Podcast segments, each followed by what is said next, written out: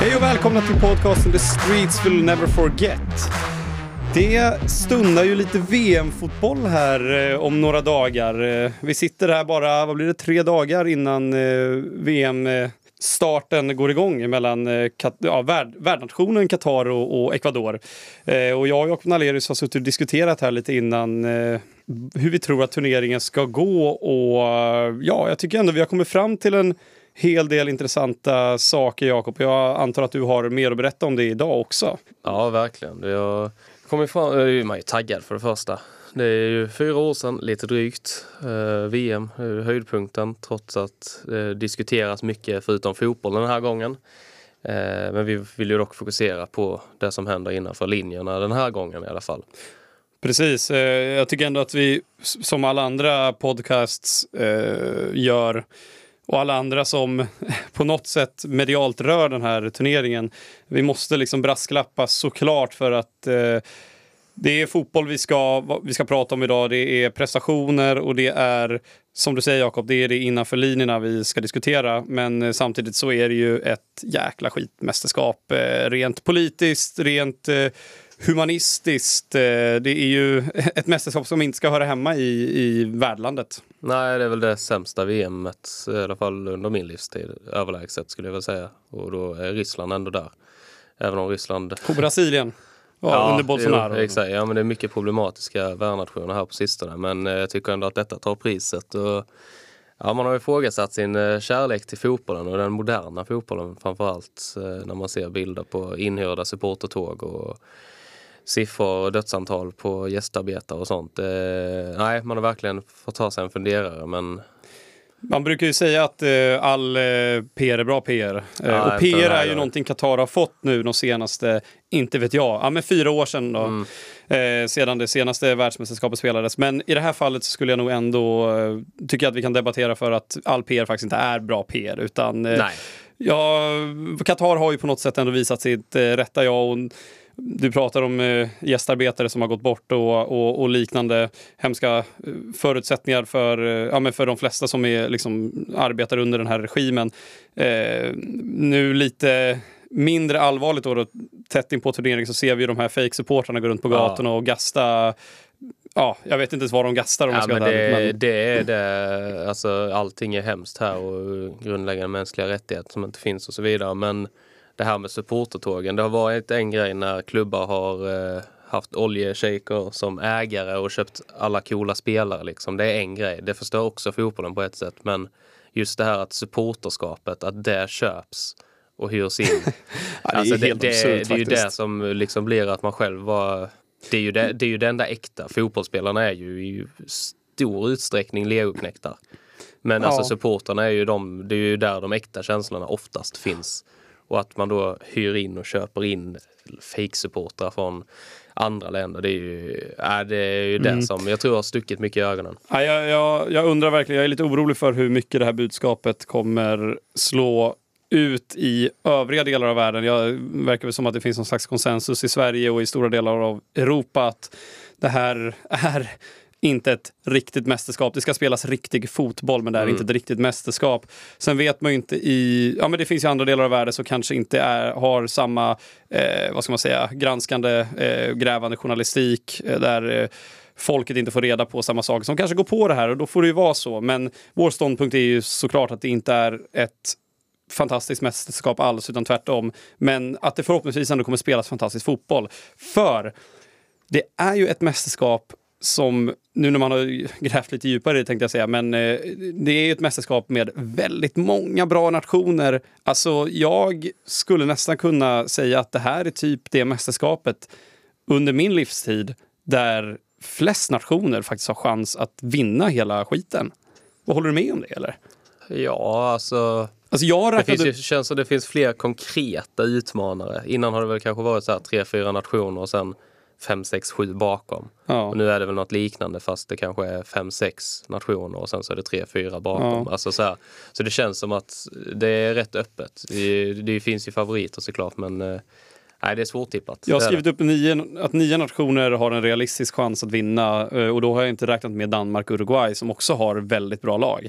Eh, Det är ju, vi, kommer ju, vi kommer ju såklart, eh, vi ska diskutera det här mer såklart, men vi kommer också få, få svaret på det här den kommande månaden. Det kommer bli väldigt roligt att se och förhoppningsvis kommer väldigt bra fotboll spelas.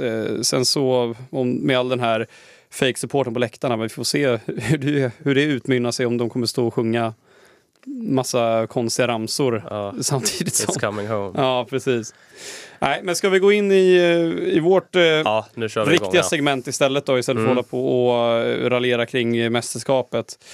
Vi måste också brasklappa lite snabbt för att det är, startelvan är vi inte hundra på. Vi, alla trupper har ju kommit ut och sådär, men det är fortfarande en del eh, spelare som vi inte riktigt vet, som vi faktiskt har med i elvan, eh, som vi inte riktigt vet om de kommer få speltid eller inte. Men vi tycker ändå att det är, det är värt att, att faktiskt eh, göra en liten chansning här. Och, Vi har väl tagit ut en 11 kan man väl säga på spelare som man behåller ett öga på. Precis. Eh, Det är ju inte de bäst, 11 bästa spelarna men Absolut det är inte. inte heller 11 tonåringar. Alltså Nej. det är lite så här, håller ögonen här, det här personen kan få ett genombrott och det är typ en snittålder på 27 skulle jag gissa på. Så Ja. det är väldigt så här... Ja men det är många Det är så här, alltså, högt och lågt. under radarn och få sitt stora genombrott och så vidare. Så. Mm.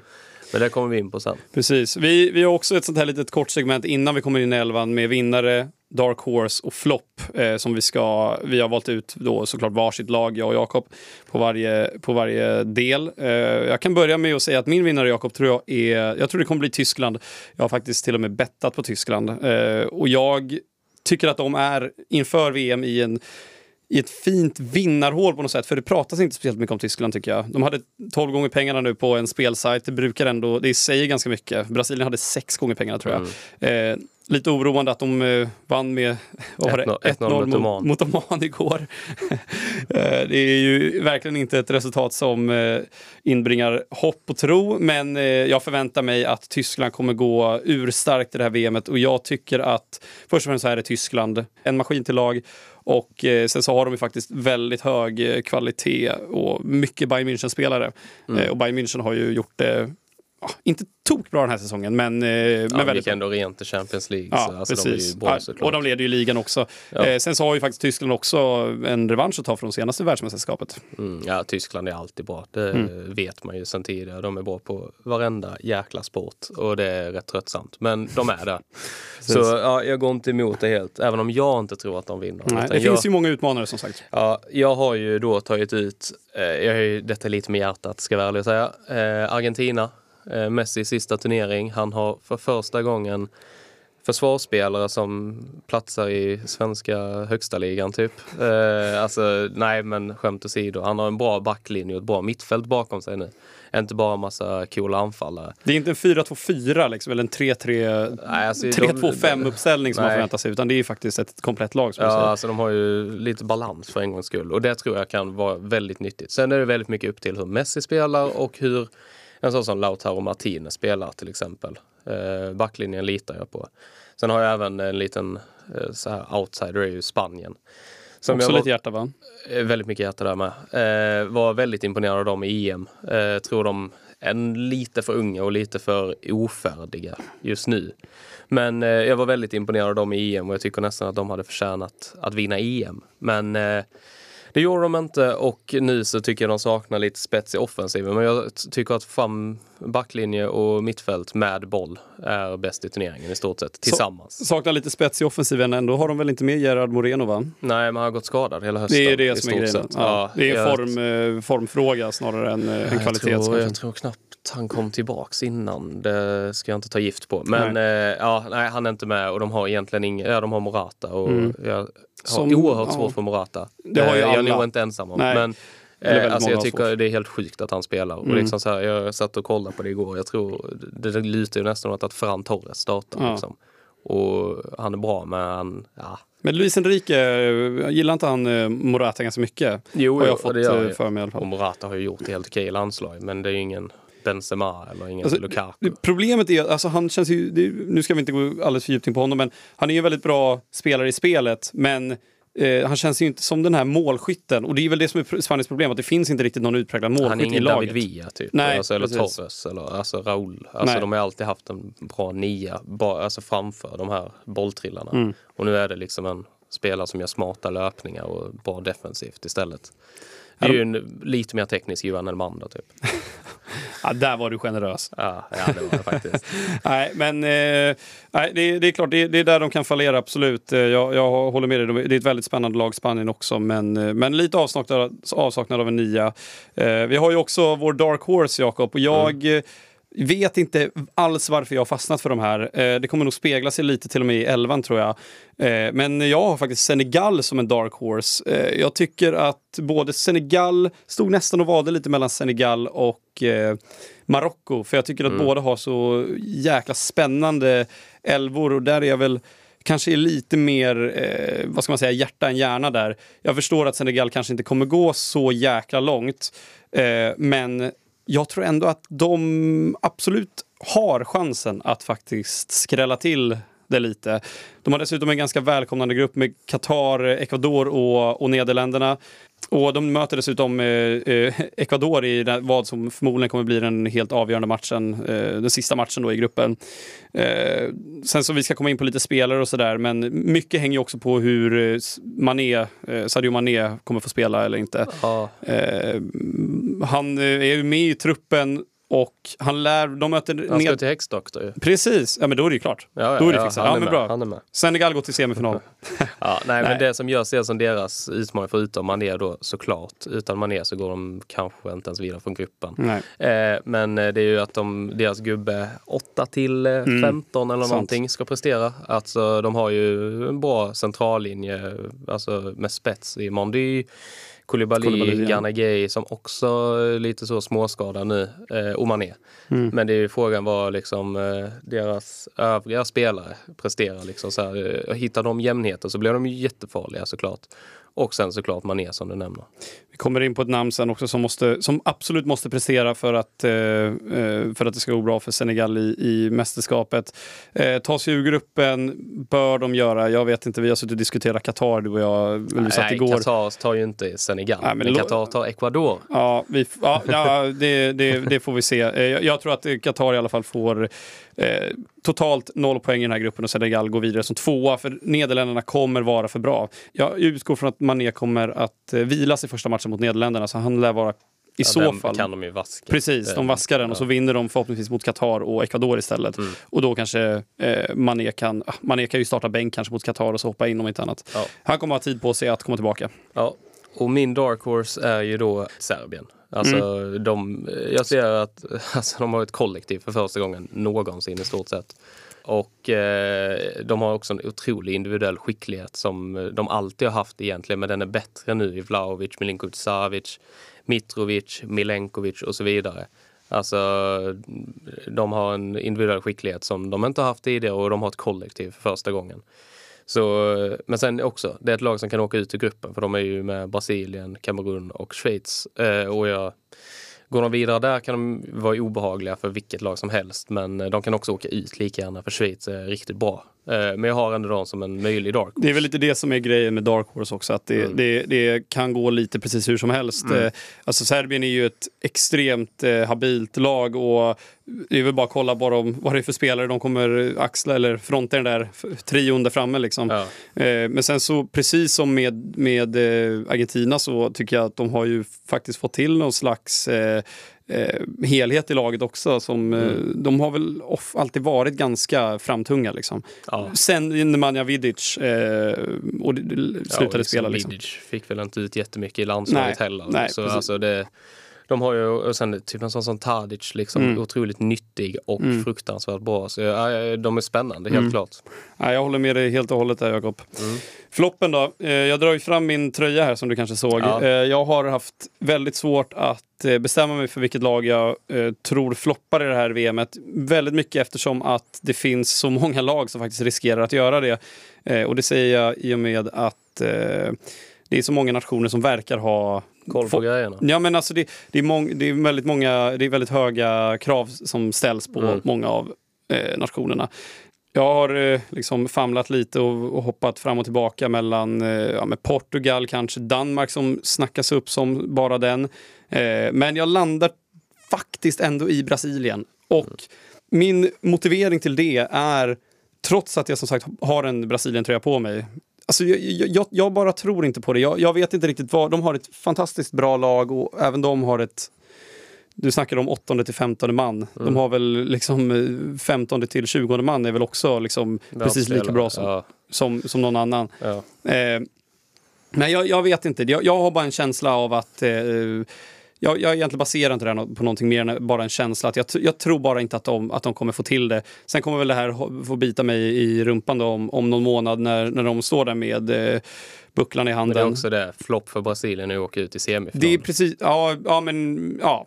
Typ. Det är, det, som, ja, det är just det, kraven alltså, är så otroligt högt ställda ja. på, på, på Brasilien. Och jag vet inte riktigt, alltså återigen, superbra lag, men det finns också liksom, ja, men i alla fall fem, sex, sju andra som har i princip lika bra lag. Ja, sen, alltså, som också har, kan ses som floppar om de åker ut i kvarten. De också, ytterbacken är ju svaga, eller inte mm. svaga, de är såklart inte, de spelar ju i världslag. Men, Telles och, och Danilo typ eller? Ja, ja, det lär väl bli dem. Ja. Eh, eller Alexander kanske. Alexander också, just det. men eh, Ja, alltså det är, ja, det är ju det är en bra shout tycker jag, helt mm. klart.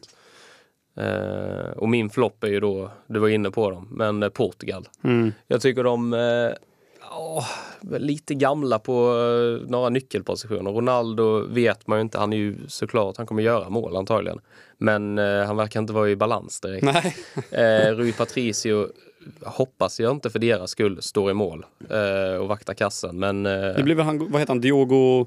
Costa, ja, ja eller José Sa kanske. Men mm. eh, alltså Pepe lär få starta och han pushar ju 40. Alltså, ja. så, här, så, alltså det är ju bäst före-datum har gått ja, ut. Ja, exakt. Och sen så lite så här också, de har ju såklart otroligt bra spelare. Jag kan också se otroligt dum ut. Det gör man oavsett vilken flopp man tar ut. Mm. Men att de kan lika gärna gå till final. Liksom. Mm. Men eh, de såg riktigt tunga ut i EM eh, för Eh, vad blev det? Det var ju förra sommaren. Ja, förra sommaren, ja, precis. Och jag var, då tänkte jag verkligen att det här laget kan vinna. Men nu har de haft lite problem ändå och fick ändå kvala sig via playoff in, eh, alltså så semifinal, ja. final.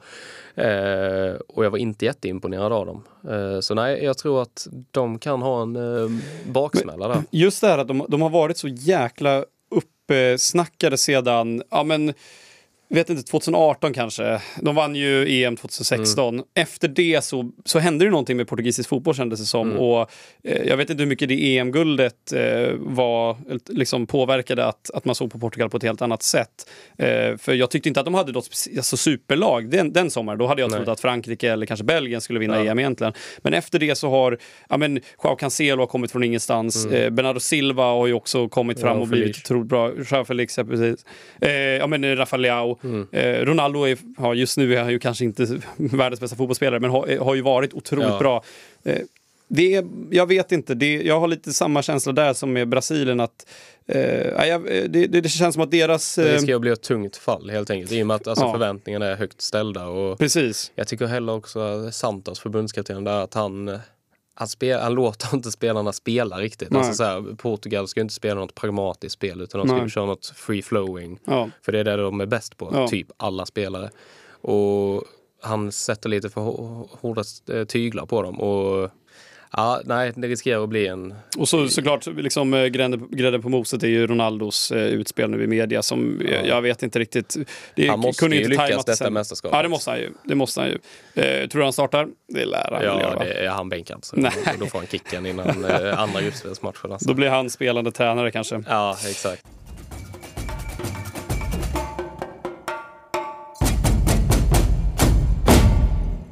På tal om tränare. Ja. Ska vi börja med, med, med Elvans första, ja, den enda tränaren i Elvan ja. helt enkelt. Ja.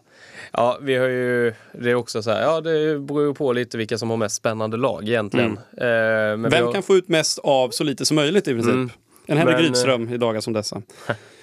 vi eh, har ju valt eh, Gerardo Tata Martino i eh, Mexiko. Eh, en gammal Barca-tränare som nu eh, även eh, är förbundskapten eh, i Mexiko efter att ha lämnat det argentinska landslaget. Eh, ett Mexiko som förlorade mot Sverige förvisso. Och jag var inte jätteimponerad av dem, men jag tycker ändå att de har ett rätt så spännande lag. Eh, det är mycket för att det är Mexiko också. Mexiko känns ju ofta väldigt spännande. Ja, det har jag väl ryka i åttondel som vanligt. ja, precis. Men Mexiko brukar ju kännas spännande inför världsmästerskap i fotboll i allmänhet. De ryker väl alltid i åttondel. Det har blivit en liten sån meme nästan på Så- sociala medier. Så på ett sätt är de ju väldigt ospännande då också för man vet exakt vad som kommer ske. Ja, exakt. Men eh, det känns ändå, alltså de är en grupp med Argentina, Saudiarabien, Mexiko själva då och sen Polen. Eh, en grupp som jag känner är vidöppen. Saudi Ja. kommer ju vara slagpåse, Argentina kommer att vinna och sen står det mellan Mexiko och Polen. En match som jag tror Mexiko har goda eh, chanser att vinna faktiskt. Eh, och sen, alltså så här, de har ju ett väldigt, de är väldigt bollskickliga men de har även den här, alltså grintan typ, alltså de är de har liksom det här aggressivitet och kan ändå spela defensivt. Och sen Ochoa i mål. Han är alltid bra. Blir en blandning av Buffon och Casillas varje gång det är ja, VM. inte liksom. igår dock mot, eh, Nej, mot igår var Sverige. han svag. Men Ja. eh, Men, men Mexiko också, jag tycker de har ett ganska rutinerat lag. Alltså både Ochoa Mm. som du nämner och så Guardado är också där. Eh, Irving Lozano är väl, eh, var ju med i senaste VM, det var väl då han slog igenom och Mm. Ja. har ju haft ändå, ja, han är väl, han han har är väl helt okej. lite i Napoli nu. Ja, precis. Eh, Så jag, jag, jag förstår, det. jag Ja. håller med. Mexiko Och sen liksom. Edson Alvarez i Ajax är ju en väldigt bra sittande mittfältare, eller mittback kanske han till och med får spela här. Men eh, sittande mittfältare antagligen. Raúl Jiménez, vilken form han nu är i. Precis. Och sen Lozano då, det blir ju nyckelspelarna som jag ser det. Det är ju de som ska göra det liksom. Och sen, men de har också väldigt många inhemska, från inhemska ligan som är väldigt tekniska och alltså, individuellt skickliga. Till exempel Alexis Vega som eh, gjorde mål mot Sverige. Eh, Jaha, spelar han i Mexiko? Alltså i mexikanska ligan? Ja. Okej. Eh, väldigt bra. Eh, och alltså, de har ett spännande lag tycker jag. Men det blir ju liksom matchen med Polen som blir lite så här. Det blir avgörande. Ja, det alltså, blir det blir med all sannolikhet. Ja. Ja. och då är det liksom, ja, Lewandowski ska göra lite underverk. Ja. Men eh, alltså, jag, jag, Det kan Raúl Jiménez också göra om han har sin dag. Liksom. Ja, exakt. Så alltså, jag ser eh, den här gruppen är öppen överlag, mer öppen än vad många tror. Mm. Eh, för Argentina, inget lag som kanske kör över lag med 7-0 eller någonting. Alltså, det, Förutom igår då. de, ja, vilka mötte de igår? 5-0 och de mötte väl, var det Förenade Arabemiraten? Ja, det var det nog. Tror det var det. Ja, men alltså så här, det är ju lite bättre nivå på Ja, de här såklart. lagen. Alltså, så, här, så jag tror att det kommer att bli en jämn grupp men att eh, Saudi får stryka på foten, Argentina kommer att springa iväg och sen så säger jag att Mexiko slår Polen.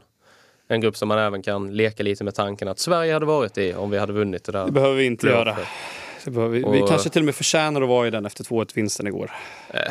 Ja, kan, vi inte, kan vi inte på något sätt skohorna in Sverige nu tre dagar innan Mot eh, ett VM? riktigt omotiverat Mexiko i Girona i Spanien. Ja, Eh, på en arena med, vad kan det ha varit, 300 fans? typ. ja exakt, varav 15 var svenskar typ. Precis. 15 som var lokala svenskar. Ja, exakt. Ja, nej, men vi går över till målvakten också då, Jakob. Eh, Det är, jag vet inte om det här är det, det, här är... det här är ju faktiskt, jag tänkte säga att det är som att sparka in en öppen dörr, men, men samtidigt så vet jag inte hur många som har koll på, på Remco Passfer. Det är ju en, rent internationellt är det ju en väldigt spännande karriär och historia. Jag kommer inte dra hela just nu, men vi kan väl bara, jag kan väl bara konstatera lite snabbt att Remco Passfer, han fyllde nyligen 39. Mm. Eh, Jasper Sillesen är inte uttagen som, till, till uh, Nederländerna. Eh, Kruli har väl lagt av antar jag och, och Ja, han spelar fortfarande krull men Ja, han han, var sur för att han inte var uttagen. Och Okej. Sillesen är riktigt sur för Ja, att han ja, inte ja. är ja uttagen. men, alltså, vet du vad, jag förstår båda två. Jag har Ja. superdålig koll på, på hur bra det går för dem. Men alltså, namnet eh, Tim Krul och Jasper Sillesen, Mm. jag var helt övertygad om att Jasper Sillesen skulle bli uttagen. Ja, men han spelar, alltså Sill är bara Att det inte ens var en del av de tre målvakterna som blev Ja, uttagna är alltså, ganska ju- uppseendeväckande. Det som jag tycker är konstigt är att han, eh, Justin Bylow är med. Mm, Eh, är. målvakt. Han har varit jättedålig för Feyenoord. Ja, Eh, Feyenoord som förvisso leder holländska ligan men eh, han har inte varit jättebra. Eh, och alltså Sillesen trodde jag verkligen skulle vara med. Ja, alltså, det är ju, det, snacka om jag att göra en... ju NETC, Nijmegen, Ja. Nijmegen. Ja, det, du behöver inte Nej. försöka. Nej, Men, men, eh, alltså, och jag tror det är det som gör. Han har inte varit jättebra heller. Men Men det är ju en, Alltså, det- det är en de har- reverse Janne Andersson, förlåt jag avbryter, Ja. men det är verkligen en reverse Anne- Janne Andersson. Det är ju inte, alltså, eh, nu vet jag inte, vem är, vem är det som är eh, förbundskapten för Gaal? Det, det är liksom, han, han går ju inte på gamla meriter om man tar ut eh, Nej. de här tre målvakterna med ja, Passfer och... eh, nej, exakt. Ja. Och alltså, målvakt har väl ända sedan van der Sar la handskarna på hyllan så har det väl varit deras svaghet. Mm. Målvakt egentligen. Mm. För i övrigt så tycker jag att Holland har Ja, de har kanske världens bästa backlinje. Mm. ja, det finns konkurrens, konkurrenter såklart. ja. Men alltså, och framåt är de ju inte dåliga direkt. Så, alltså, det, men det är målvakt just att det är en sån fruktansvärd doldis. Det, är- det är det verkligen. De andra två kan jag inte ens namnet på. Noppert och Just det, Balo. Noppert som är typ 2,03 och Mm. spelar Heerenveen. Alltså han är ju duktig men det är också Heerenveen. En basketspelare och en halv dålig målvakt i, i ja, Ja. förvisso serieledande PSV var det, nej, Feyenoord. Eh, ja, nej, men i alla fall då, Remco Passver, han, Mm. han eh, vaktar ju kassen i, i Ajax. Eh, och, eh, som jag har förstått det så har ju han halkat in lite på ett bananskal. Och Mm. efter den lilla halkningen så, så har han gjort det jäkligt bra. Ja, alltså han kommer var nu- bra i Ajax. Ja. Det är det som är grejen. Alltså Ja. han förtjänar ju platsen. Det är bara det som... Att han är vad, vad, 39 nu? 39 nu. Ja, att han är 39 bast. Mm. Att eh, det är det som får honom att höja på ögonbrynen. är För så- alltså, göra ja. det bra i Ajax, det är ju bra jobbat liksom. Men, Han har ju varit med länge. Han liksom gjorde debut i Twente 2003. Men det som är ännu mer uppseendeväckande än att, än att han blev uttagen som 39-åring i, i Nederländernas VM-trupp är ju faktiskt att han gjorde debut 2022 som 38-åring. Mm. Ja. Kanske 37 där då, men ja, året Ja. han skulle fylla 38. Eh, och nu så ska han väl med all sannolikhet vakta kassen i, i, i för, för det Orange, heter de Mm. väl. Eh, och eh, han har ju gjort det, nu, nu hamnade ju Ajax i en jäkligt svår grupp i, eh, i Champions League, men han gjorde det väl ändå förhållandevis bra där ja. eh, när han fick spela. Eh, och han värvades ju som tredje målvakt till, till Ajax, men sen Mm. skadade ju sig Stekelenburg och André Onana. ja, och han eh, dopingavstängd till och med. Ja, ja, det var det. ju- Ja, Ja. precis, precis. Eh, sen liksom så här, den backlinjen han har framför sig, Mm. han kommer ju få tre skott. Mm, I alla fall på hela precis. gruppspelet kommer han få tre skott på sig typ. Det enda som talar emot är att får han tre skott på sig och kanske tvålar in en av dem, då är det det man kommer komma ihåg från honom också. Jo, jo, men eh, eller så räddar han alla. Så Eller så han nollan alla. i hela gruppspelet. Alltså så, här, så det är lite, Ja. han har en bra backlinje. Det är ju slutspelet det kommer märkas. Ja. Det är Det- min tanke i alla fall. Sen han är ju väldigt rutinerad, inte på landslagsnivå då, för han har bara gjort två stycken landskamper. Det är Mm. helt sinnessjukt. Eh, men han har gjort över 200 matcher i Eredivisie Mm. eh, för ett x antal andra klubbar. Mm. Eh, och eh, nu gör han väl mästerskapsdebut då. Mm. Får se hur det går Jakob. Ja.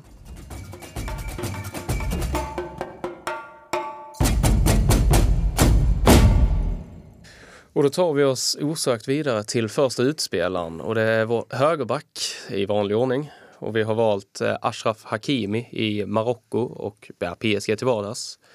Och egentligen här, eh, alltså backar så här som eh, underdogs eller under radarn. Det finns ju inte så jättemånga som man håller koll på. Men eh, vi kunde haft Joakim Mähle i Danmark som jag tycker är fruktansvärt bra. Eh, han är förvisso etablerad och det är ju verkligen Hakimi också. Eh, men anledningen till att vi tog med honom är väl att eh, han är redan en av världens bästa i mina ögon i alla fall. Men att han kan visa detta på den stora scenen för första gången. För han spelar till vardags i PSG, som sagt i franska ligan. Som jag följer inte den slaviskt i alla fall. Jag kollar inte alla PSGs matcher i ligan. Och alltså i Champions League där de blir amatörspelare så fort det bränner till. Så alltså, jag tror att han kommer ta ett väldigt stort ansvar och att han kommer få visa vilken otroligt bra fotbollsspelare han är.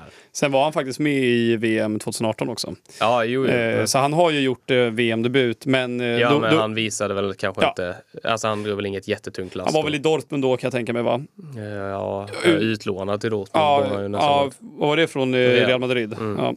Eh, nej, men han, eh, som du säger, han, han kommer ju verkligen behöva ta den här, eh, någon slags, jag vet inte om han är kapten, men någon slags ledarroll i alla fall i, i, i omklädningsrummet och på planen med all den erfarenhet han har det införskaffat sig, så här, 24 år ung. Jag sa ju det till dig häromdagen. Antingen så vinner Marocko VM-guld Mm. eller så kommer de sist. Det Ja, är men ju det- såklart inte så svart och vitt. Nej. Men Marocko är ju verkligen ett sånt gäng.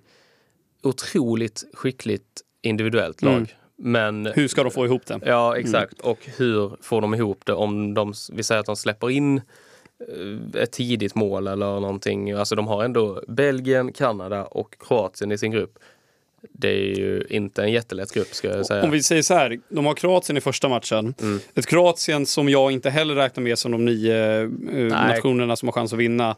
Eh, en vinst där så kan de få en riktigt bra... Då kommer de ju med väldigt stor sannolikhet gå vidare från gruppen. Eh, och det kan ju faktiskt ge en... Alltså ett sånt skickligt lag med lite självförtroende. Alltså återigen, som du säger, inte vinna VM-guld men en super Nej, men typ dark jag, horse. jag kommer ihåg VM 2018 när de mötte Spanien i sista gruppspelsmatchen. Där, ett Spanien som var helt klara redan så det spelar ingen roll för dem. Eh, och där var det, alltså Marocko var riktigt, riktigt bra redan då. Och nu har de ju dessutom fått tillbaka Hakim Ziyech. Eh, Han, var, han, var väl, han fick inte spela för förra, förra Nej, de va? eh, bråkade väldigt mycket. Och liksom Hakimi har växt fram till en av världens bästa högerbackar. Nesiri har varit sval den här säsongen men han har ändå utvecklats överlag skulle jag säga. Favoritspelare. Ja, det vet jag att det dyker. Men alltså så här, och de har Sofian Amrabat till exempel på innermittfältet som är väldigt underskattad skulle jag säga. Är han kvar i Hellas? Nej, han är väl i Fio nu. Nej, han är Fio nu. Ja. Okej, ja. Mm. Eh, och sen försöker de ju få in Brahim Diaz i truppen. Det kommer ju inte gå. Eh, han har ju dubbelt medborgarskap. Ja. Det kom väl nu för två, tre dagar sedan bara. Mm. Alltså i samma vecka som VM drar igång. Att han skulle försöka fixa ett, eh, en landslagsplats i Marocko efter att Harit eh, gick sönder. Mm. Eh, men alltså de har ett väldigt spä- Men spännande vadå, lag. de kommer inte hinna med och gö- göra den Nej, omskrivningen? det tror jag. jag har inte hört Nej. något mer sedan dess Nej. i stort sett. Så det tror jag, det utesluter jag nästan. Men det hade alltså, ju varit väldigt spännande. Ja. Inte för att Brahim Diaz är världens bästa spelare, men det är ändå en eh, Milan in and out Ja, player. exakt. Liksom. Och alltså så här, du, han är en spelare som de har till stor Alltså de har väldigt många så här skickliga spelare på mittfältet. Men eh, han hade ju kanske behövts. Ja. Eh, men alltså överlag så Marocko hade också kunnat vara en dark horse. Men Mm. eh, där, jag valde bort dem för att man riskerar att se otroligt dum ut. För de kan lika gärna komma sist i gruppen. Precis. Nej, men nu, då går vi över till första mittbacken då, Jakob. Eh, och jag fortsätter väl på min lite mer obskyra bana här, trots att det finns väl såklart en del lyssnare som har koll på, på spelarna vi, jag tar upp. Eh, kanadensiska mittbacken Steven Vittoria. Eh, även här en brasklapp för att han eh, eventuellt inte kommer spela. För det är, de har ett par mittbackar, eh, Kanada, som är ganska jämnbra. Men Steven Vittoria är i alla fall en 35-årig mittback som som man hör på namnet, har eh, lite... Han, hans föräldrar är från, eh, de var från eh, Portugal, men han hamnade i Kanada. Och sen så har han faktiskt spelat nästan hela sin karriär i den, Kanad- eller i, i den portugisiska högsta ligan. Eh, och är just nu i Chaves. Eh, han har också spelat i MLS såklart och Extraklassa. Eh, anledningen till att jag tar, tar med honom här det är för att jag, jag tror ändå att, eh, nu har vi precis pratat upp Marocko en del. Eh, Kanada ingår ju i samma grupp. Eh, men precis som jag sa med, med Marocko, vinner Kanada sin match mot sig Marocko. Marocko fuckar ur fullständigt och, och tar inte en poäng. Kanada vinner sin match mot Marocko. De lär väl kanske inte vinna mot Belgien. Det är klart att de är väl klara eh, underdogs mot, mot eh, Kroatien. Men jag, jag tror ändå att Kanada faktiskt kan göra någonting i den här gruppen. Det är... Återigen, jag, jag, jag tycker inte att Kroatien känns så spännande. Det är, jag vet Nej, inte. det håller jag med om. Eh, Jag håller dock inte med dig om hypen kring Kanada. Men vadå hype? Jag hype jag, det finns ingen hype kring Kanada. Jag, ja, bara, det är jag många, säger det bara är det- många som pekar ut dem som en Ja, alltså, möjlig ja, det är så ändå, alltså. Ja, det har jag sett Alltså de har ju Alphonse Davis, eh, Kyle Larin och eh, Jonathan David. Jonathan David Ja. främst. Eh. Men liksom så här Kyle Larin. Ja, ja, ja. Nej, Att det det är är en av de tre som nämns. Och bakom, om vi nu räknar Vi med Kyle åt, som en... spelar 8 till 15 Ja, förut. här är det- här är det jag 4 spelade- till 15. Ja, nej men alltså så här, och om vi nu räknar med Kyle Larin som en typ spetsspelare eller en Mm. stjärna. Bakom där då, Atiba Hutchinson som är 57 år gammal. och kapten. Typ. Ja, och, eh, men liksom så här, och Lucas Est, Estac, Estacchio Ja, ja, i ja. Porto. Ja. Han, han är rätt bra, men alltså det är fortfarande... Nej. Nej, det, är- det är klart att det, det ska väldigt mycket till. Ja. Eh, men, eh, men om det faktiskt ska ske någonting, då Mm. krävs det nog att eh, Kanada är solida defensivt. Jo, absolut. Eh, alltså de skulle ju kunna göra en Costa Rica 2000, eh, 2014 till exempel. Ja, jo, alltså de har Eh. ju spetsspelare i Davis och i viss mån David. Ja. Eh, och ja, men... De eh, slutade väl... eh, De vann ett, väl, de vann ja. ganska klart sin eh, Ja, VM-kvalgrupp men sen också. så är det också, ja, Ja. vad är det för lag man möter liksom? El Salvador och Surinam. Ja, och Nej, typ. Jamaica och, Ja, precis. Nej, så, men eh, definitivt, alltså så här, Marocko, de, man vet ju, det beror på hur, om de vaknar på höger eller vänster sida på morgonen, om de vinner den matchen liksom. Och sen Kroatien, ja, det, det var ett lag som jag tänkte ha som flopplag faktiskt. Men de är Eh, typ inte tillräckligt eh, omtalade Nej, för att de ska kunna det- vara ett för sen flopplag tänkte ens. jag på det att det var bara att de överpresterade något brutalt Ja, i VM förra, eller förra gången. Ja, förra VM. Eh, alltså Kroatien, ja man får nog eh, ha realistiska förhoppningar på dem. För det hade inte jag från början. Jag tänkte att ja, de skulle gå till kvart minst. Och det tror jag inte de kommer göra. Utan eh, som bäst blir Kroatien två här. Och ja, Kanada, ja, Mm, om, ja. ja, om alla har rätt. Ja, som eh, jag Ja. inte håller med så Nej, kan ju de eh, orsaka lite trubbel i den här gruppen. alla och alla. Det är, det är inte så många som har snackat om Kanada som, Nej, som någon slags jag följer de här. Bleacher Report på som är eh, typ en kanadensisk tid. Nej, amerikansk. Men de sitter ju där och ja, det är USAs VM-trupp och Ja. det är Pulisic eh, lite som LeBron James i fotboll. Ja, Ja. Nej, så jag blev väl eh, hjärntvättad med det där. Ja. Nej, men det det man får, man får fan, du får fan välja dina medier i framtiden, alltså, eller sociala medier Som, du, som du följer. Eh, jag, tror- jag tror som sagt ändå att för att Kanada ens ska kunna vara i närheten av att nå upp till eh, någon slags då förväntad hype, eh, som du säger, eh, så, måste, så måste de ha en stabil backlinje. Jag tror ändå att Steven Vittoria, alltså jag har eh, faktiskt aldrig sett honom spela. Det är, inte, alltså det, det är en spelare som har, eh, han har spelat en match för Benf- Benfica när han var där i tre år till exempel. Ja. Det, är inte, det är inte någon Men storspelare. det är ju sådana spelare som behöver liksom kliva Precis. fram. Alltså Costa Rica, hur många i det laget hade man koll på Ja, innan? det var precis. kanske fem på sin höjd. Och, alltså så här, det var ju spelare som spelade som Japp Stam och van Dijk liksom, men, i backlinjen där. Den, den, den motiveringen, eller motivationen att få spela sitt första VM-mästerskap för nationen som inte har varit i VM på drygt 50 år och man är 35 år gammal, då Mm. kommer man fan ge blod, svett, tårar, själ, allting för att vinna varenda match. Ja. Eh, och jag vet inte, med lite sån här eh, sydeuropeisk, latinsk eh, grinta i sig så kanske det kan, eh, man vet inte, det kanske kan ta Steven Vittoria ett steg eh, längre i prestation också. Ja. Ja, vår andra mittback då är, ja det här, det här var verkligen på gränsen om man kan ta ut den här spelaren. Det är Christian Romero i Argentina. Eh, det är ju en spelare som eh, rätt så ung, fortfarande bara 24 bast, eh, som kommer få leda den här backlinjen tillsammans med Lisandro Martinez. Men det är just av den anledningen att Argentina har aldrig bra backar. De hade Samuel och Ayala för typ 20 år sedan. Eh, Mascherano. ja, men han var ju mittfältare i Argentina. Ja, men, ja. Eh, alltså, och jag ser att han framförallt blir så otroligt viktig i Argentina. Eh, Martinez har ju lite bevisat nu i United vilken otroligt bra mittback han är. Och Romero har gjort detsamma i Spurs. Men Romero är man lite mer osäker på, känner jag nästan. Eh, Martinez har gjort det bra flera år eh, i Champions League och Ajax och så vidare. Men Romero är lite mer oskriven skulle jag säga och han har haft lite problem med skador och så men eh, Men jag känner precis som hela, hela Spurs säsong har varit på något sätt så, så kan Alltså han kan ju nå upp, han har ju en väldigt hög nivå, eh, eh, Romero. Och eh, det är liksom, jag vet inte, det enda, mitt enda problem med honom är väl att jag inte vet exakt om han kommer starta. Han startade ju inte nu när nej men han har ju varit skadad. Ja, såklart. Ja, Men eh, det är det jag menar. Men, men så är det ju med flera av spelarna vi tar Ja, ut. Otamendi emot är det ju. Precis. Eh, alltså så här, men Men Romero är ju en mycket mer spännande spelare att ta ja, ut såklart. Scaloni Och- kan inte ta ut Otamendi Nej. i startelva. Det är, som du säger, alltså att gå från att knappt ha en backlinje som, Mm. ja, men, som ens hade liksom gjort väsen av sig i, i, i allsvenskan, Mm.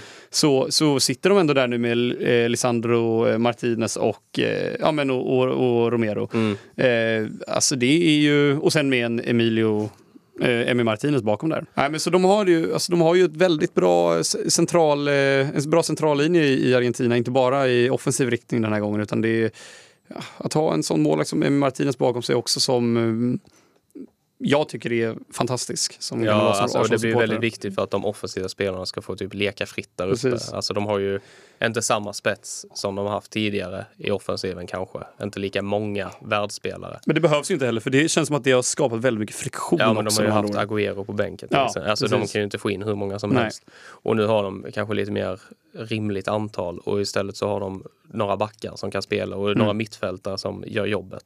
Och inte bara är där, förutom. Mascherano då som är sagolik. Vi ska gå in på argentinska mittfältare sen. Ja. Jag har en favorit i elvan kan jag säga. Ja, nej, men det var det med Christian Romero då. Eh, det blir spännande att se hur, hur det går för Argentina. Det känns som att som du säger, offensivt så kommer de ju såklart eh, prestera. Men eh, VM-guldet hänger nog på hur den där backlinjen eh, håller ihop. Ja, det tror jag med. Så får vi hålla tummarna för att Romero startar. Mm. Vänsterbacken då. En spelare som kommer att spela VMs premiärmatch mot Qatar. Pervis Estupinian är det på, på vänsterbacken. Eh, och eh, ja, är det någon som inte har blivit förälskad i eh, Brightons spelare och Brightons spel under Graham Potter. Nu tog ju De Serbi över och det har väl Ja, det har, det har, väl, det har väl sett bra ut ändå. En långsam start, men nu har de Mm. kommit igång. Precis. Ja, de förlorade senast mot Aston Villa, men Aston Villa är också en ny tränare i och för sig. Mm. Eh, men eh, där har ju Pervis Estupinian varit en, eh, ja, men en startspelare sen han kom från Villarreal. Eh, var inte han ytter, alltså offensiv? Eh, Ja, han var vänsterback, Ja. han var för dålig så han fick spela i ett ytter. Ja, för dålig. Vi, har, vi är ju lite svaga för ytterbackar som är dåliga defensivt dock alltså. Jo, men han var för dålig överlag. Ja, alltså, han fick inte spela. Nej, nej, nej, men, men vad fan.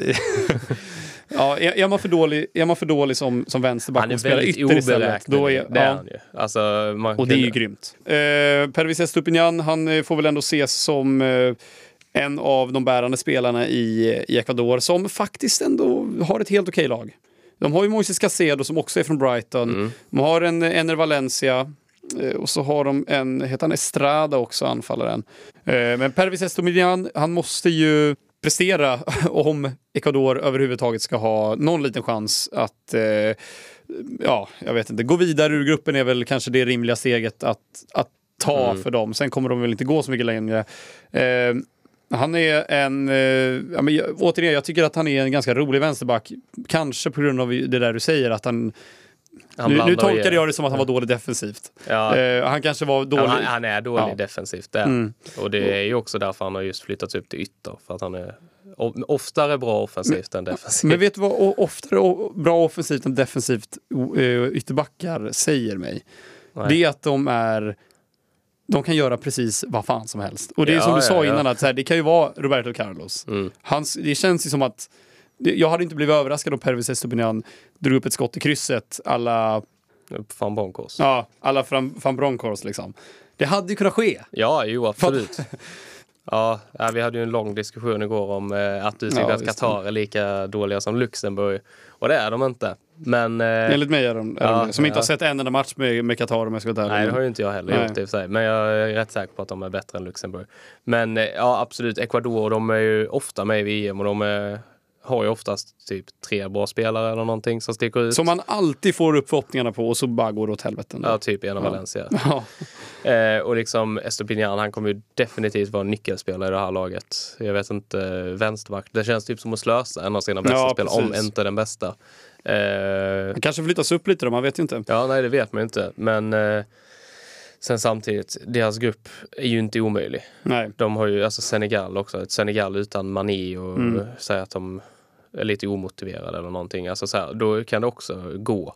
Men ja, jag ser, jag är skeptisk. Vet du vad som hade varit lite kul? Det hade varit kul om eh, Estupinan startar som eh, ytter i premiären mot Qatar. Och så får, får eh, tränaren en fråga varför. Och så, och så svarar han att det är för att han är för dålig defensivt. Ja, jo det hade varit kul. I Ecuador. Ja. Ibland är han Roberto Carlos. ja, precis. Vi förväntar oss mycket av honom offensivt. Ja. Defensivt, not so much. Ja.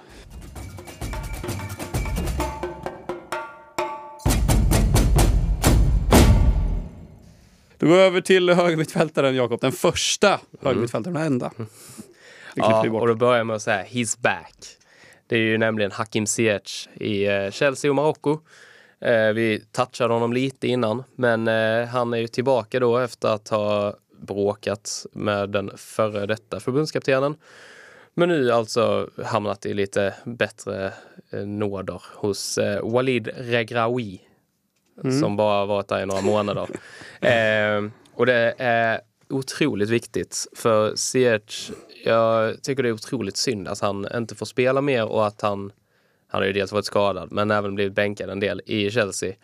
För han har en sån fruktansvärd hög högsta nivå. Fick man ju se i Ajax. Inte Ja. riktigt så mycket i Chelsea. Han gjorde ju ett fantastiskt mål med, du vet en sån här klassisk, han är väl vänsterfotad. Ja. Skjuter från höger bort vid Ja, krysset. Liksom. Mm. Alltså, men eh, det som är grejen med honom är också att han har ju de här momenten i sitt spel. Men sen har han ju även alltså arbetskapaciteten. Alltså, det var något år han sprang mest i hela Champions League. Det var nog det året typ. Eh, alltså där när Ajax gick till semi. Eh, och det är ju inte många så här tekniska yttrar som är lite showiga som gör det. Alltså det går inte riktigt ihop att han har hamnat... Jag vet inte vad som har hänt mellan, eller vad som hände rättare sagt mellan han och den gamla förbundskaptenen. Men som du säger, en teknisk showare alla mm. kanske Riyad Mahrez. Eh, mm. Esk, eh, som, eh, som dessutom jobbar väldigt hårt och mm. det låter ju som att han är en väldigt lojal spelare. Mm. Vet jag inte riktigt vad som har hänt med den gamla förbundskaptenen. För han ja, ju... Jag tror bara de, de gick inte ihop helt enkelt. Alltså så här, de gillade inte varandra. Det var spelsätt och det var det var allt möjligt. Eh, att Ziyech ville ändra på, förbundskaptenen ville inte ändra på och så vidare. Så alltså, det var väl ändå rimligt att de inte gick ihop. Men eh, det var väldigt synd. Och alltså jag, för jag kommer ihåg när han valde Marockos landslag. Eh, det är ju flera år sedan nu. När alltså typ hela Holland, jag trodde om vi säger att de är, folk är sura på Rydström nu så var de rätt sura på Ziyech i Holland då. Eh, bland annat van Basten som gick ut och sa jag kan inte fatta hur han valde Marocko. Han kunnat vara bärande i Holland liksom. Och det är ändå fem år sedan kanske, han var rätt ung då. Eh, och han har ju verkligen, jag tycker ändå han har fullföljt sin potential i stort sett. Oh, han ska få oh. ut mer i Chelsea. Ja, han, ändå, han spelar ändå i Chelsea. Ja. Alltså så här, och han gjorde otroligt bra i Ajax. Och detta är nog den enskilt viktigaste spelaren i Marocko skulle jag säga. Mm, ja, såklart. Det Marocko, precis som vi var inne på tidigare, så måste ju alla de här lite mindre nationerna mm. såklart hålla tätt bakåt för mm. att eh, ja, liksom kunna ta sig långt. Men man måste ju också ha en målskytt. Du vinner mm. ju inga matcher utan att göra mål. Liksom. Eh, och då är det ju... Ja, men, Alltså en, ändå en fronttrio, eller i alla fall Seko och Enesris och att ha dem på topp är ju ganska meriterande. Sen så är ju Seko har ju en väldigt mycket högre eh, liksom högsta nivå än vad Enesri har. Mm. Eh, men, men båda de måste ju absolut leverera med främst SEK. Ja, och alltså gör han ett bra VM nu så kanske han äntligen kan lämna Chelsea. Så att han får ja. spela i ett topplag, alltså få speltid också.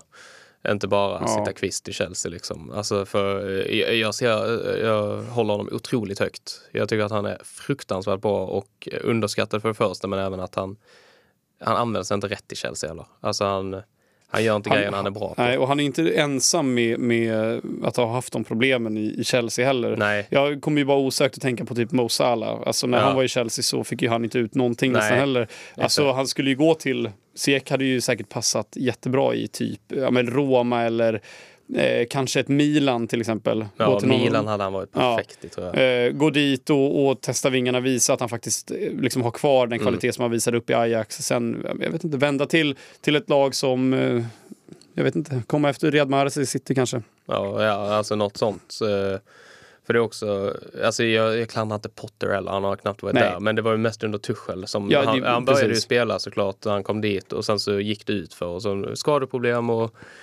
är tillbaka nu och jag tror att han är rätt så motiverad faktiskt att spela ett VM med Marocko. Och eh, alltså visa vad han kan nu när han har varit borta dessutom och för liksom, sitt hemland som han valde före Nederländerna. Så jag tror verkligen att han kan eh, vara riktigt vass och att han kan ta Marocko kanske till och med vidare ur gruppen. Fan, jag blir riktigt jävla sugen på att kolla på Marocko alltså. Ja, ja, Va? Varför har ingen pratat om dem? Nej, nej. Vilka var det de hade i gruppen nu igen? Det är, det är det... Kanada, Kroatien och Belgien. Alltså ja. Marocko, Kroatien. Ja. Ah! Ja, The Streets Will Never Forget. Podcasten där vi tar upp alla lag. ja, det är en grym match. Den kommer spelas, det är det enda vi ja. är säkra på. Och det kommer bli en jäkla... Det, det, känns, det skulle kunna bli 5-5 den matchen, typ, känns det som. Nej, ja, eller 0-0. Eller 0-0. Nej, ja, det får ja, det Jag bli. hoppas ju mer på 5-5. Ja. Ah, gud vilken match. Och så har de Bono i mål liksom. Alltså, ja, just det. Vad kan gå fel? Han kommer hålla nollan hela VM. Ja, det tror jag Nej, men eh, tänk, att, tänk att vi skulle landa i det. Att, att, att Kroatien, Marocko är den matchen. I alla fall jag kanske mm. ser mest fram emot så här på förhand. Det kommer bli grymt. Ja. På tal om att se fram mot någonting i förhand, Jakob, så ska vi gå in på eh, elvans första mittfältare, mitt-mitt. Eh, som är Alexis McAllister. Mm. Han eh, hade ju hade den här snubben, spelar inte jag Fifa längre, men hade jag fått honom som en sån här, eh, vad heter det, akademi... produkt med det namnet, då hade jag ju bara tänkt att nu måste Fifa måste skärpa sig nu med, med karriärläget. Ja. Det här är ett, det är ett larvigt namn. ja. Alexis McAllister, ah, kanske inte. Men, men det är ju ett, det är ett galet, det är ett häftigt namn. Det är ju Eh, konstigt att det heter McAllister och är argentinare kanske. Ja, precis. Ja, då har du helt rätt i. Eh, Det är ett namn som i alla fall sätter sig. Mm. Han kom ju till Brighton 2019, eh, McAllister, och jag kommer faktiskt ihåg att eh, han såg jäkligt spännande ut redan då. Eh, men han fick inte så jäkla mycket speltid i början, utan han började väl blomstra under Potter. Eh, och för alla som har sett Alexis McAllister spela fotboll, eh, ni vet varför kanske han, han passar så bra under Potter. Han, han spelar ju som, han, jag, jag skulle säga att han är lite som, som Trossard, att han är kanske inte lika bra som Trossard, men han är den här, han kan spela på nästan alla positioner. Eh, och nu, nu är det en väldigt, nu är det en stretch och det kommer nästan göra lite ont att säga det här. Men han hade ju passat in perfekt i Kalmar FF under Henrik Rydström. Nej, ja, men alltså, kom, kom, lyssna, lyssna, lyssna nu. Spelstilen är ju så för att han kan spela överallt på mittfältet och de tre offensiva positionerna där framme. Precis som typ Leandro Trossard kan, kan göra. Alltså, Leandro Trossard har ju varit ytterback i några matcher liksom. Det är ju helt sjukt. Och det, Alexis McAllister har väl främst spelat på mitten då, då, men han är en väldigt dynamisk mittfältare och jag har ju blivit svagare och svagare för dem. Som det, och dessutom så har han ju ett jäkla tillslag. Eh, Så han har en jäkla doja också. Han är inte... Alltså, han ser ju inte ut som en snubbe som har en hästslägga direkt. Han är, Nej, han inte. Han är liksom en Messi light på något sätt i, i kropp och nästan utseende också. Ja, till väldigt lik. Lookalike alltså. Alltså, det, jag tycker han är så jäkla lik Aaron Ramsey. Ja, jag tycker han är lik, mer lik Messi. Alltså. Ja, men en blandning mellan Ramsey och Messi då. ja, det kanske han är. Kanske lite i spelstil också. Ja, Visst är det det? Ja, lite box to box och så eh, du vet, argentinska teknik. snabba fötter och bra Ja. teknik. ja, Precis. Eh, och nu startade han senast eh, igår. Det är därför jag behöll honom på mittfältet. För att jag är lite orolig att han inte ska få spela. Men Mm. han spela bakom eh, ja, men Messi, Lautaro och Di Maria. Mm. Då tror jag att eh, vi kommer nog få se en helt ny nivå av McAllister. Ja, han har ju rätt hyfsade lekkamrater i det där laget. Och alltså, vi gick ju in innan på att problemet innan med mittfälten i Argentina är att de har behövt jobba så mycket defensivt. Mm. Så det har varit liksom två skikt i laget. Fem backar Mm. plus en mittfältare typ. Och sen fem anfallare. Mm. Men nu blir det ju lite mer en sammanhängande enhet. Ja, typ. Och det, det tror jag kommer passa en sån som McAllister perfekt. De behöver en sån dynamisk spelare och så en lite mer städ dam bakom Ja, i exakt. Leandro Och sen Paredes. en på mittfältet som också kan typ ta in bollar Mm. och alltså förse Messi med bollen. Det är ju också rätt mycket av jobbet i Argentina. Och så hoppas jag ju på ett distansskott också från honom. Ja, det, det hade hade varit jäkligt häftigt. Som en fläskläpp. Mm. Och han har ju, han, ja, bara lite annan kuriosa då, han har ju två, eh, pappan var gammal fotbollsspelare, farbrorn var gammal fotbollsspelare, sen så har han också Francis och Kevin McAllister som också spelar professionell fotboll i Argentina. Eh, Bröder då eller? Ja, precis. Ja. Ja. ja, precis. Ja. Eh, så det är en riktig fotbollsfamilj han kommer ifrån. Mm. Och så får vi se, tror du Det att är han... också kul, alltså så här, för han, eh, förlåt att jag avbryter, men han Mm. kom till Brighton var han ju världens underbarn. Han beskrevs ju Mm. som typ nya Messi. Ja, Lite för att han är så himla lik. kan vara Ja, så. nej, men sen så har jag bara tänkt, ja, nej det där sket ju sig. Mm. Men sen nu i år har han ju verkligen kommit Ja. igång igen. Eller kommit igång igen, han har kommit igång. Mm. Han har Och- fått spela. Ja exakt, ja, men han har ju, alltså så här, och han har gjort det bra när han har spelat. Innan han har ju spelat så har han ju typ inte gjort någonting. Men nu just att han, att han får, eh, nu när de gör ett sånt tränarskifte också, Brighton, att han får spela under De Serbi också säger en hel Mm. Ja, del. och jag tror han mår bra av förtroendet. Det Precis. verkar ju vara det. Alltså så här, när han har fått förtroende har han ju gjort det bra. Mm. Innan har han varit några korta inhopp. Men nu är det verkligen... Han tog ju straffar med. Han tar Mm. straffar med till och med i Brighton. Tänkte fråga det, tror du att han eh, snor någon straff eller frispark från Messi? Jag tror inte Svara Messi ja. släpper... Jag tror, nej, men jag tror inte Messi släpper många. Men jag Det säger var väl så ja då. jävla roligt att se. Ja, McAllister känner sig het. Messi tror att det är han själv som går fram till sig själv och plockar bollen ur Messis hand. Svagt skämt. Ah, det var riktigt skämt. dåligt. Det där Ja, kan det- vi det- klippa bort. Nej, det ska vara kvar. Ja, det gör vi då. Ja, då kör vi då. Andra Ja. in i mittfältaren, Jakob. Mm, det är ju då Jesper Jeppe Lindström. Oh, du tog honom! Ja, Kul, det jag. alltså. Jag vet inte Spännande. om han kallas Jeppe, men det är ju en kvalificerad gissning för att han heter Du säger att jag har ett, hade ett dåligt skämt precis. Ja, Vad ja, fan. Eh, det är ju en väldigt spännande ung spelare. Lika gammal som mig, född 00 alltså. Tragiskt. Ja, det verkligen. Här sitter man. McAllister är för, för övrigt lika gammal som mig. Så Ja. det, är, Också tragiskt. ja, det är, ännu mer tragiskt. Och Mbappé är också lika gammal som Ja, mig. precis. Ja. Nej, men skit i det. Men eh, han har precis slagit sig in i det danska landslaget ändå. Alltså i dagens fotboll, typ en late bloomer nästan. Ja, alltså att man är, ja, man kan vara 21 när han gjorde debut. Men han spelar ju i Frankfurt och eh, det är ju ett lag, ja, de vann ju Europa League och fick ju lite praise då men jag såg honom för första gången när han spelade mot Barca i Europa League. Alltså såg honom på riktigt. Och eh, jag blev otroligt imponerad. För han är väldigt teknisk och har en väldigt bra fot. Men det som för, förvånade mig är att han är ändå vad är han, en bit över 1,80, 1,83 kanske. Och har ändå så, alltså han är ändå typ så Ja, snabb också Ja, eller? ja, han är Mm. rätt snabb och ändå så smidig. Typ. Mm. Alltså, så här, Han har ganska slank kropp. ja, exakt. Verkligen. Och alltså, så här, han, han gör det väldigt bra i, eh, alltså, i Frankfurt. Han har ju ryktats till bland annat Arsenal och i detta Danmark som, alltså de har ju gått ifrån lite det här bara lira finlir utan de är ju en stabil defensiv så kommer verkligen en sån som Lindström behövas. Och jag tror definitivt, alltså nu är ju grejen han kanske konkurrerar med en sån som Eriksen som inte går att rucka på. Men jag tror definitivt att han kommer få sina minuter Mm. här och där och kanske till och med någon start. För detta är ju, de är ju med Frankrike, Australien, Tunisien i samma grupp då. Och det är matchen mot Frankrike som gäller för Australien och Tunisien. De, ja, de, ja. de kommer inte ha det lätt. Det finns en anledning till att vi inte har med en enda spelare från... Ja, eh, de, det är eh, spoiler alert. ja, men eh, ja, Nu så här halvvägs in i elvan. Ja, exakt. Nej, men alltså så här, och jag tror verkligen det kommer finnas minuter att dela ut för Hjulman där som Alltså Danmark snackas ju upp väldigt mycket och det är många som tror att de ska gå till semi och de ska gå till final, kanske till och med vinna. Alltså så här, och jag kanske vill tona ner det lite. De slog ett omotiverat Frankrike i Nations League och så. Men de är ju helt klart spännande och det de gjorde i EM är ju väldigt bra. Alltså de är ju en perfekt sits egentligen. För att, som, som Mm. vi pratade lite tidigare om, så de, alltså Danmark är ju ändå rätt uppsnackade för att vara en, eh, alltså en eh, skandinavisk Mm. Eh, nation. Eh, men samtidigt så skulle, skulle Danmark ryka, nu, nu kanske de kommer tvåa i gruppen och så, Mm. jag vet inte exakt vilka de får möta i så fall. Eh, men säg att de får möta kanske, jag vet inte, Argentina, så är det ju ingen som kommer skrika på att det blir en flopp. Ja, men jag tror de har väl Argentina om de går till Mm. kvart eller någonting. Och, det är ju Och liksom, där känns det som det är tufft. Men alltså, Ryker de i gruppen så är det ju, då är det ju, Ja, då är det ju då är det lynchning på men det hade ju varit dåligt även om de inte var Ja. dark horse. För det, Danmark är Det ju hade varit dåligt av Sverige att inte komma Ja, exakt. Så liksom, ja, de har ju ett väldigt bra lag och jag blev väldigt imponerad under EM. Men Mm. man får också, det är lite som Kroatien. Man kan inte ha världens mest högt ställda förväntningar Nej. för att de gjorde bra i en turnering. Men de ser helt klart spännande ut och Lindström blev en väldigt viktig del i det här laget. Jag kollade på, eller lyssnade lite på den här eh, Tutski Balutski eller vad det- den eh, podcasten. Mm.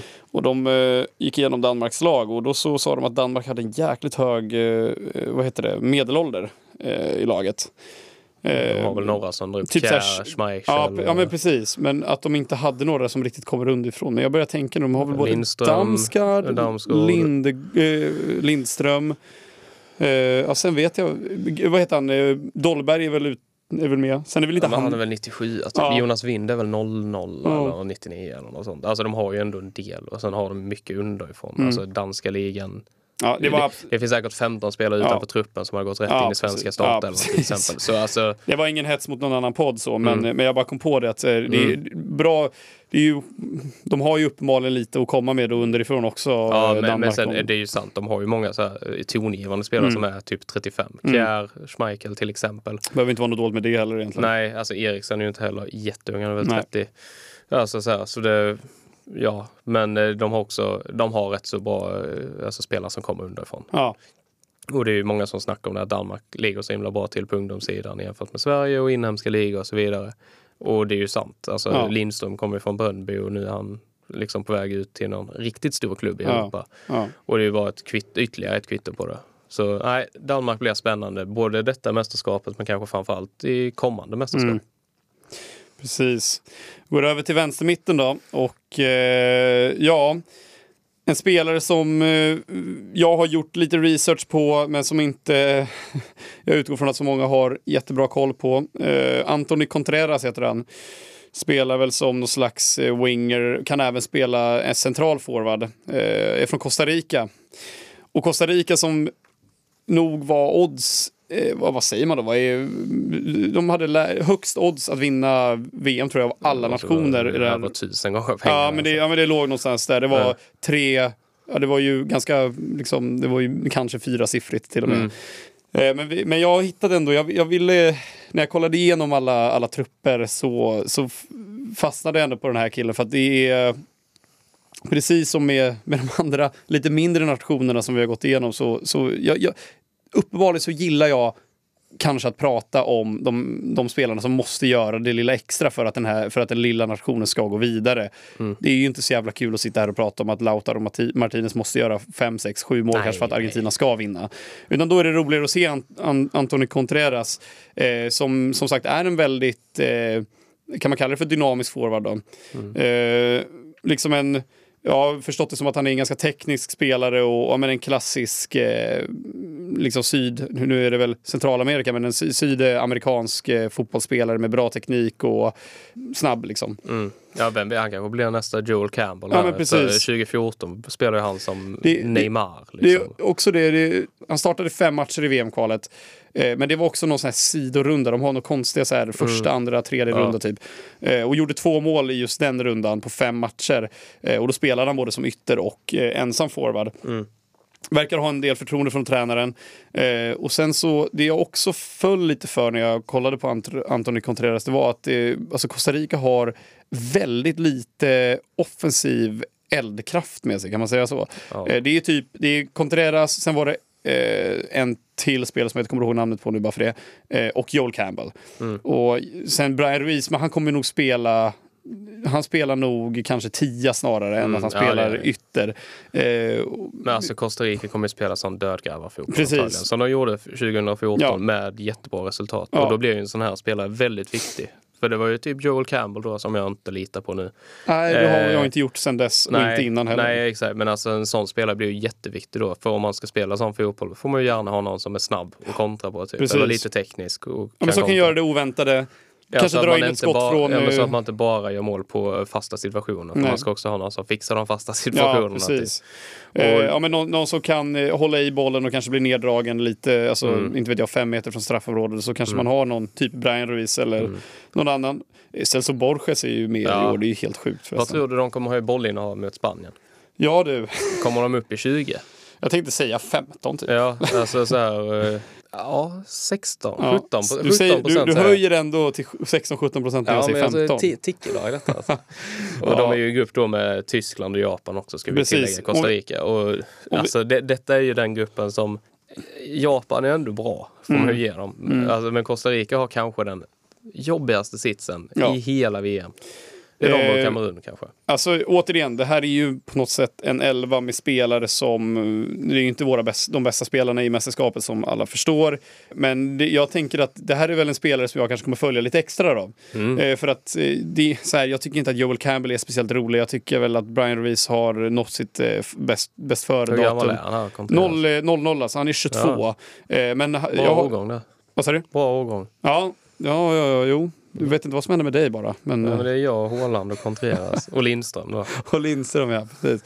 Nej, men eh, om vi säger så här då, vet du vilket lag han spelar i? Det vet du inte. Jag har inte en jävla Janne faktiskt. Herediano i costaricanska ligan. Ja, de. Eh, ja, men alltså, är det inte som upplagt för att den här killen då ska göra succé i VM? Göra kanske fyra mål i gruppspelet. Och De gå åker till ändå ut. portugisisk, ett portugisiskt bottenlag och Va? inte få spela typ. Va? Han Nej, går- ja, nej, nej, nej, nej, nej. Om Ja, och- gör succé? Ska vi, ska vi lägga ett bet live i podden? Ja, okej, vad? 100 kronor på att eh, Anthony Contreras spelar i topp 5-ligorna inom två år. Topp 5-liga? Mm. Eh, Som ja. att det var... Ja, men det kan jag ta. Det kan Ja. jag ta. Okej, ja, men då hör vi, jag hör av mig om två år då. Ja, ja, ja, jag med. Jag tror han hamnar i eh, Rems. jag skojar. Jävla dålig Han gissning. kommer att spela i bulgariska ligan inom tre år. Ja, Där har du ett bett. Jag ska ha koll på Antoni Cont- Contreras. Ja, du. Okej, så här då. Någon gång innan de kommande två åren. Det kan vara att han går dit, inte får spela en enda jävla match, men han tillhör Ja, det laget. nu blev du lite Ja, skakig. men kom igen! Det, Ja, oddsen var ju inte direkt på min sida från Det var början. ju du som kom på oddsen. Ja. Är du orolig nu sen jag satte Norsambon eller? Ja, det är. Ja. Nej, men han, han verkar vara en, en talang hemma i landet, eh, i Costa Rica och eh, alltså mig veterligen så har de ju inte någon superleverans just nu på, på spelare. Nej. Det är de väl inte kända för De, överhuvudtaget hade egentligen. inte, de har ju Keylor Navas är Ja. typ den enda exporten tillsammans med Brian Ruiz då. Mm. Och det säger ju lite. Ja, precis. Så nej, alltså man ska nog inte ha världens förhoppningar. Men eh, ja, de kan ju parkera bussen och så hoppas på en kontring typ. Alltså, skulle vi suttit här för, för åtta år sedan och kört Mm. den här podden så hade vi varit ännu mer pessimistis pessimistiska till att de skulle gå vidare än vad vi är idag. Ja, verkligen. Så uh, sjukare saker har hänt än att Costa Rica ska gå, gå vidare med i den här gruppen. Med det Mm. sagt så kommer de inte göra det. Eh, men Antonio Contreras kommer vara eh, namnet på alla läppar. Ja. Eh, och min fråga är, blir det här nya James Rodriguez, Jakob? Det, det, Han här? Ja, Nej. han blir inte det. Nej, Chamez spelade ändå i Monaco och Mm. hade spelat i Porto. Så nej, det Jag tänker han. att det blir turneringens spelare kanske. Ja, ja, Nej, ja. jag skojar. Det är klart fan inte blir det. Nej, men han blir, är inte på den nivån blir han nog inte. Men eh, ja, alltså, låter spännande. Mm. Vi ska följa utan honom, Jag vi ska vet inte hur killen ser ut, men eh, Han ser, han ser costaricansk ut, Ja, hur fan det nu är. Men, Mm. eh, men ja.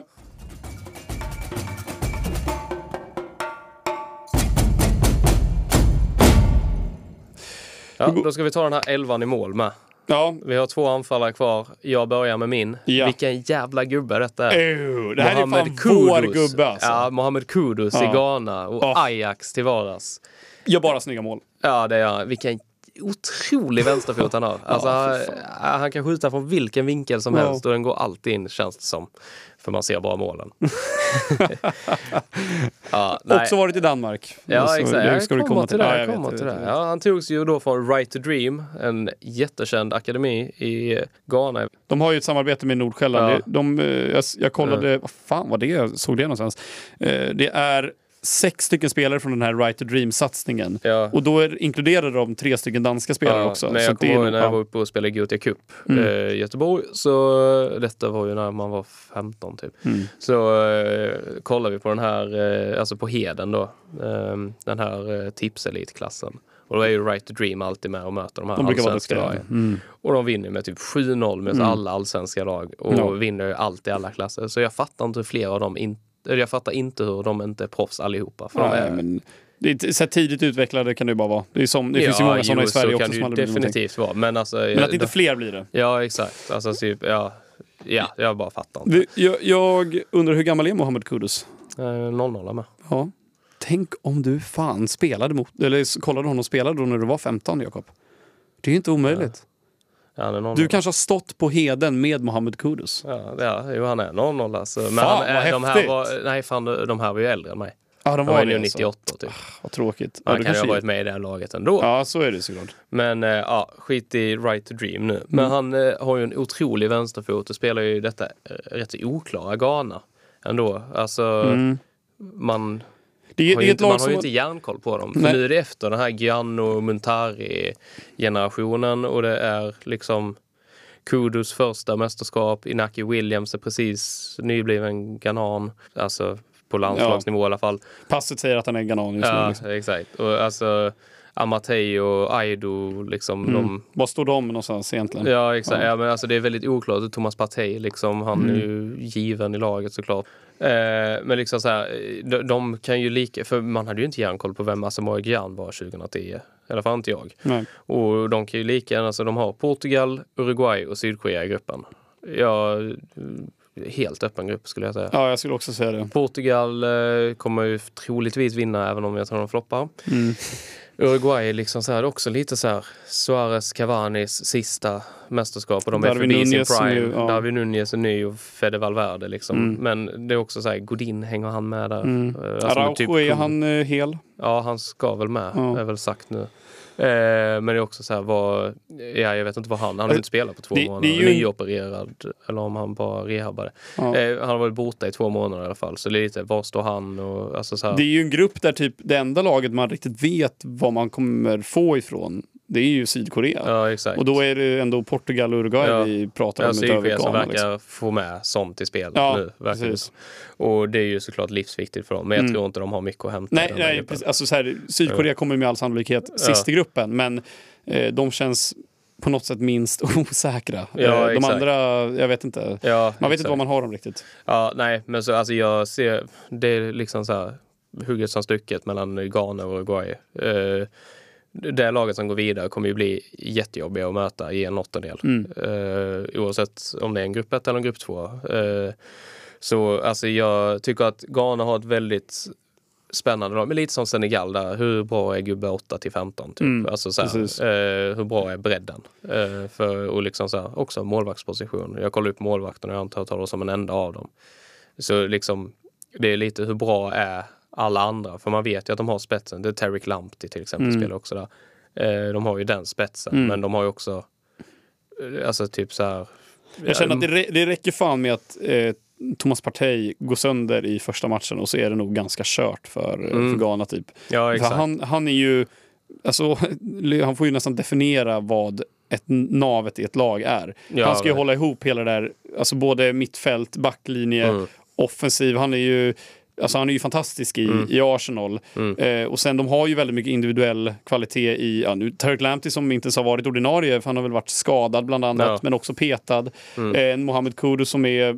Alltså, Sulemana är ren. Ja, ja men en Mohamed Kudus som är väldigt Mm. spännande, men vad, får, vad kommer man få av honom då? Kommer han ens starta? Vi vet inte. Nej, exakt. Egentligen Alltså, det är 100%. egentligen, han har gjort några snygga mål i Champions Ja. League. Liksom. Ja, Alltså, så här, precis. det, Så det, det, det är ju liksom... Det känns som att det räcker med en skada på, på en nyckelspelare så är nog Ghana ganska körda. Men Mm. vi kan också få ut rätt mycket av dem. Alltså, Ja. Ghana var ett av lagen jag hade som en eventuell dark horse. Liksom. Men, ja, eh, exakt. Och liksom, det känns som att den här gången snackar inte så många om Ghana Nej, som en dark horse. Det har varit det innan känns Mm. det som, men den här gången är det verkligen... mycket tack vare 2010 såklart. Ja, jo, jo, Mm. jo. men alltså så här, det känns som att nu eh, är det väldigt tyst om dem. Mm. Och liksom, ja, de är, de är alltid bra.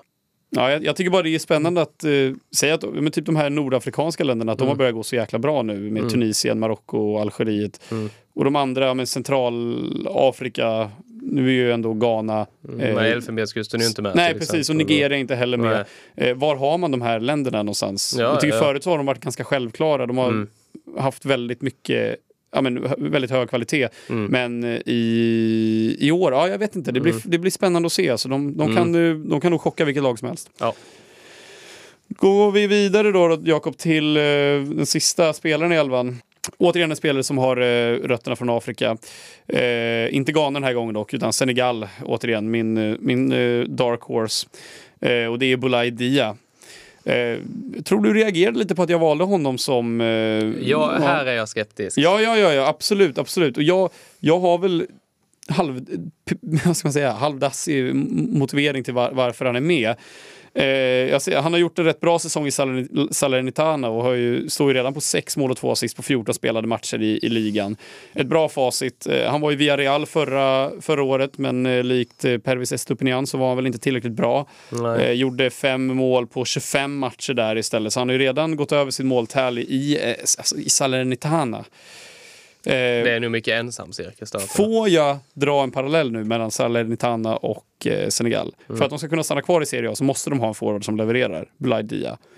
Ska Senegal gå långt i det här jäkla mästerskapet där vi har nio nationer som har en realistisk chans att vinna, då måste Boulaye Dia också leverera framåt. Sen så, så får vi ju såklart se, för att det är ju som vi har brasklappat för tidigare, Mané vet vi inte. Vi vet inte hur den där häxdoktorn fungerar. Vi vet inte ens om eh, det kommer hjälpa överhuvudtaget. Startar inte Mané, eh, Mané mot Nederländerna så kommer Bulaidia Dia garanterat starta. Eh, det som talar emot Bulaidia Dia enligt mig är väl att han, eh, det finns lite konkurrens eh, från främst eh, Famara Diedou.